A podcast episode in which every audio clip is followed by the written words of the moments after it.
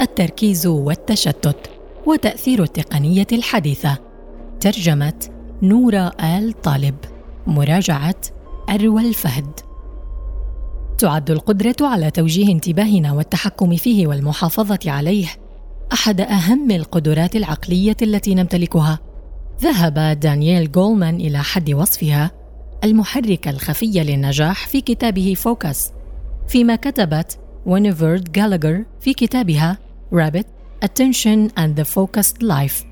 إن حياتك من تكون وما تفكر فيه وتشعر به وما تفعله وما تحبه. هو مجموع ما تركز عليه.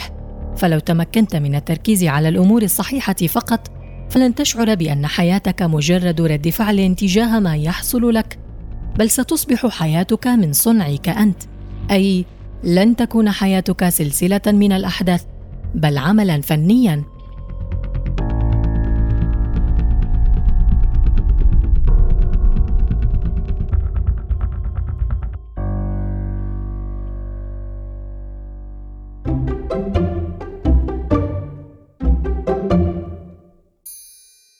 يعد التركيز على الأمور الصحيحة بدءا من التغلب على اضطرابات القلق والاكتئاب.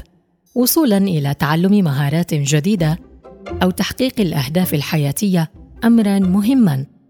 وقدرتنا على التركيز هي بمثابة عضلة تمرينها على نحو سليم يزيدها قوة وإساءة استخدامها تضعفها. أحد أهم أسباب إضعاف قدرتنا على التركيز هو الاستخدام المفرط للتقنية الحديثة لا سيما الهواتف الذكية والإنترنت ووسائل التواصل الاجتماعي. وفي هذه المقالة سننظر في تأثير هذه التقنيات في قدرتنا على التركيز والنتائج السلبية المترتبة عليها. حينما نقرر تحقيق هدف يتطلب حضور الذهن إن كان تأليف كتاب أو عمل برمجة أو إنهاء المعاملات الضريبية وما إلى ذلك فإن نجاحنا يكون قائما على طريقة تعاملنا مع ما يسمى التشويش على الأهداف. كما يفسر عالم الأعصاب آدم غازلي وعالم النفس لاري روزن في كتابيهما The Distracted Mind. يحدث التشويش على الأهداف عندما تتوصل إلى قرار إنجاز هدف معين. لكن ثمة شيء يحدث ويعيق إتمام ذلك الهدف بنجاح. قد يتولد هذا التشويش إما داخليا متمثلا في الأفكار أو خارجيا من خلال المحفزات الحسية كأحاديث الناس في المطعم أو الإشارات الصوتية أو الاهتزازات أو العروض البصرية الوامضة. يتخذ التشويش على الأهداف شكلين اثنين. إن كان التشويش عبارة عن شيء يشتت تركيزنا لكنه لا يؤدي إلى تغيير السلوك فإنه يسمى تشتيتا. بينما الانقطاعات على الجانب الآخر هي أشكال من التشويش تؤدي إلى تغير في السلوك لأنها تغوينا للتحول من المهمة الأصلية التي كنا نركز عليها إلى مهمة أخرى. مثل الرد على الهاتف أثناء كتابة ورقة ما وعلى الرغم من أن التشويش على الأهداف كان دائما امرا اضطر البشر للتعامل معه إلا أن ظهور التقنيات الحديثة أوجد حالة أصبحنا فيها غارقين بمشتتات وملهيات أكثر بكثير من ذي قبل. يدرك معظمنا جيدا أن المشتتات والانقطاعات تطيل الوقت الذي يستغرقه إتمام مهمة ما ومع ذلك فهذا لا يعد التأثير الأكثر ضررا للتشويش التقني إذ يؤثر أيضا تيار التشويش غير المنقطع الصادر من التقنيات الحديثة في جودة أدائنا بينما في الوقت ذاته يضعف قدراتنا العقلية اللازمة للمحافظة على التركيز. إن هذا التراجع الهائل في الأداء الناشئ من المستويات المتزايدة من التشويش ناتج عن عجز الدماغ عن أداء عدة مهام في الوقت ذاته فعلى عكس الاعتقاد السائد لا يمكن للبشر معالجة البيانات بالتزامن عند أداء مهام متعددة تستلزم ضبطا ادراكيا ذهنيا من أعلى إلى أسفل. بينما يمكننا مضغ العلكة وكتابة رسالة إلكترونية في الآن ذاته أو الاستماع إلى أنواع معينة من الموسيقى أثناء القراءة.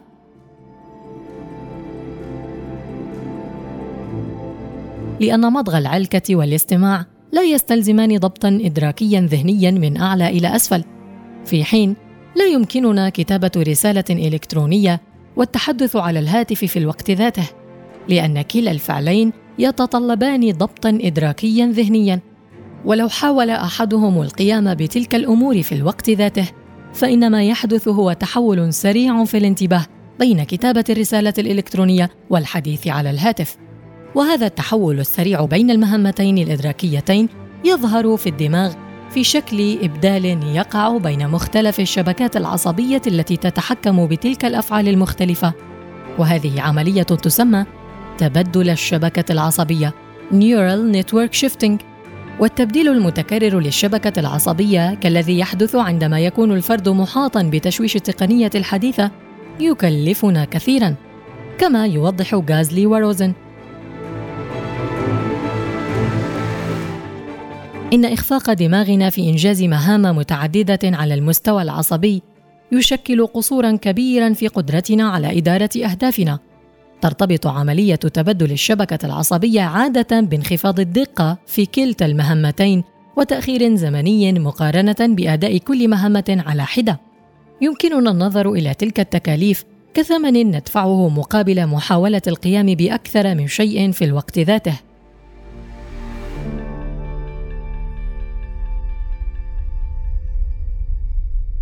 من المهم التأكيد على أن المشتتات والانقطاعات تؤدي إلى تبدلات في الشبكة العصبية التي بدورها تؤثر في أدائنا. فلو سمعت اشعارا ينبئك بوصول رسالة إلكترونية أثناء كتابة ورقة ما وتقرر أن تقرأ وترد على البريد فإن تحولا شبكيا سيقع. الأمر الذي يؤدي إلى تقليل جودة الأداء. ومع ذلك مجرد سماع الإشعارات يضعف الأداء حتى لو لم يتم التجاوب معها. لأنه يتسبب في تبدل شبكي عصبي قصير ولكنه مؤثر. ما يجعل العديد من تلك التقنيات الحديثة ضارة بصفة خاصة فيما يتعلق بأضعاف قدرتنا على التركيز والتقليل من جودة أدائنا هو أنها مصممة لإغواء الناس لكي تتفقدها باستمرار. صممت تلك التقنيات لزيادة التشويش من خلال استغلال ما يسميه بي إف سكينر عالم النفس السلوكي المعروف التعزيز المتقطع. إذ كشفت أبحاث سكينر أنه عندما يعزز سلوك شخص ما لبعض الوقت فقط وخاصة عندما يحدث ذلك وفق جدول زمني متغير ولا يمكن التنبؤ به يصبح السلوك ذاته مقاوما للاندثار يمكننا أن نرى التعزيز المتقطع من خلال وسائل التواصل الاجتماعي المصممة لاستغلال هذا السلوك المشكل للعادة. شبكة فيسبوك مثلا صممت مجازاتها بطريقة ديناميكية بحيث تتغير المشاركات باستمرار. وعادة ما يكون القليل من تلك المشاركات جاذبا للاهتمام بينما الكثير منها لا يكون كذلك. هذه الطبيعة الديناميكية لمنشورات فيسبوك تجعل المستخدمين في حالة انجذاب دائم لتفقد المشاركات مع علمهم بأن قلة منها جديرة بالاطلاع. ومن خلال هذا التعزيز المتقطع تنشأ العادة غالبا. أحد الآثار السلبية الأخرى للتقنية الحديثة على التركيز ينشأ من الكمية الهائلة للمعلومات الظاهرة أمامنا. وبالرغم من أن هذا الوصول اللامحدود للمعلومات يثمر عن فوائد جمة اعتمادا على كيفية استخدامنا لها إلا أنه أيضا يكلفنا كثيرا كما كتب هيربرت سيمون. إنما تستهلكه المعلومات واضح للغاية. إنها تستهلك انتباه متلقيها. وعليه فإن ثورة المعلومات تنشئ قصورا شديدا في الانتباه وحاجة إلى تخصيص ذلك الانتباه بكفاءة في خضم وفرة مصادر المعلومات التي قد تستنزفه. مع ذلك لا يمكننا إنكار أن الكثير من تلك التقنيات الحديثة ممتع ويتيح لنا القيام بأمور لم نكن نحلم بها حتى قبل عقود قليلة. ولكن ليست كل مظاهر تقنيات المعلومات الحديثة تنتج منافع تفوق مساوئها وتحديدا المساوئ التي تؤثر في قدرتنا على التركيز.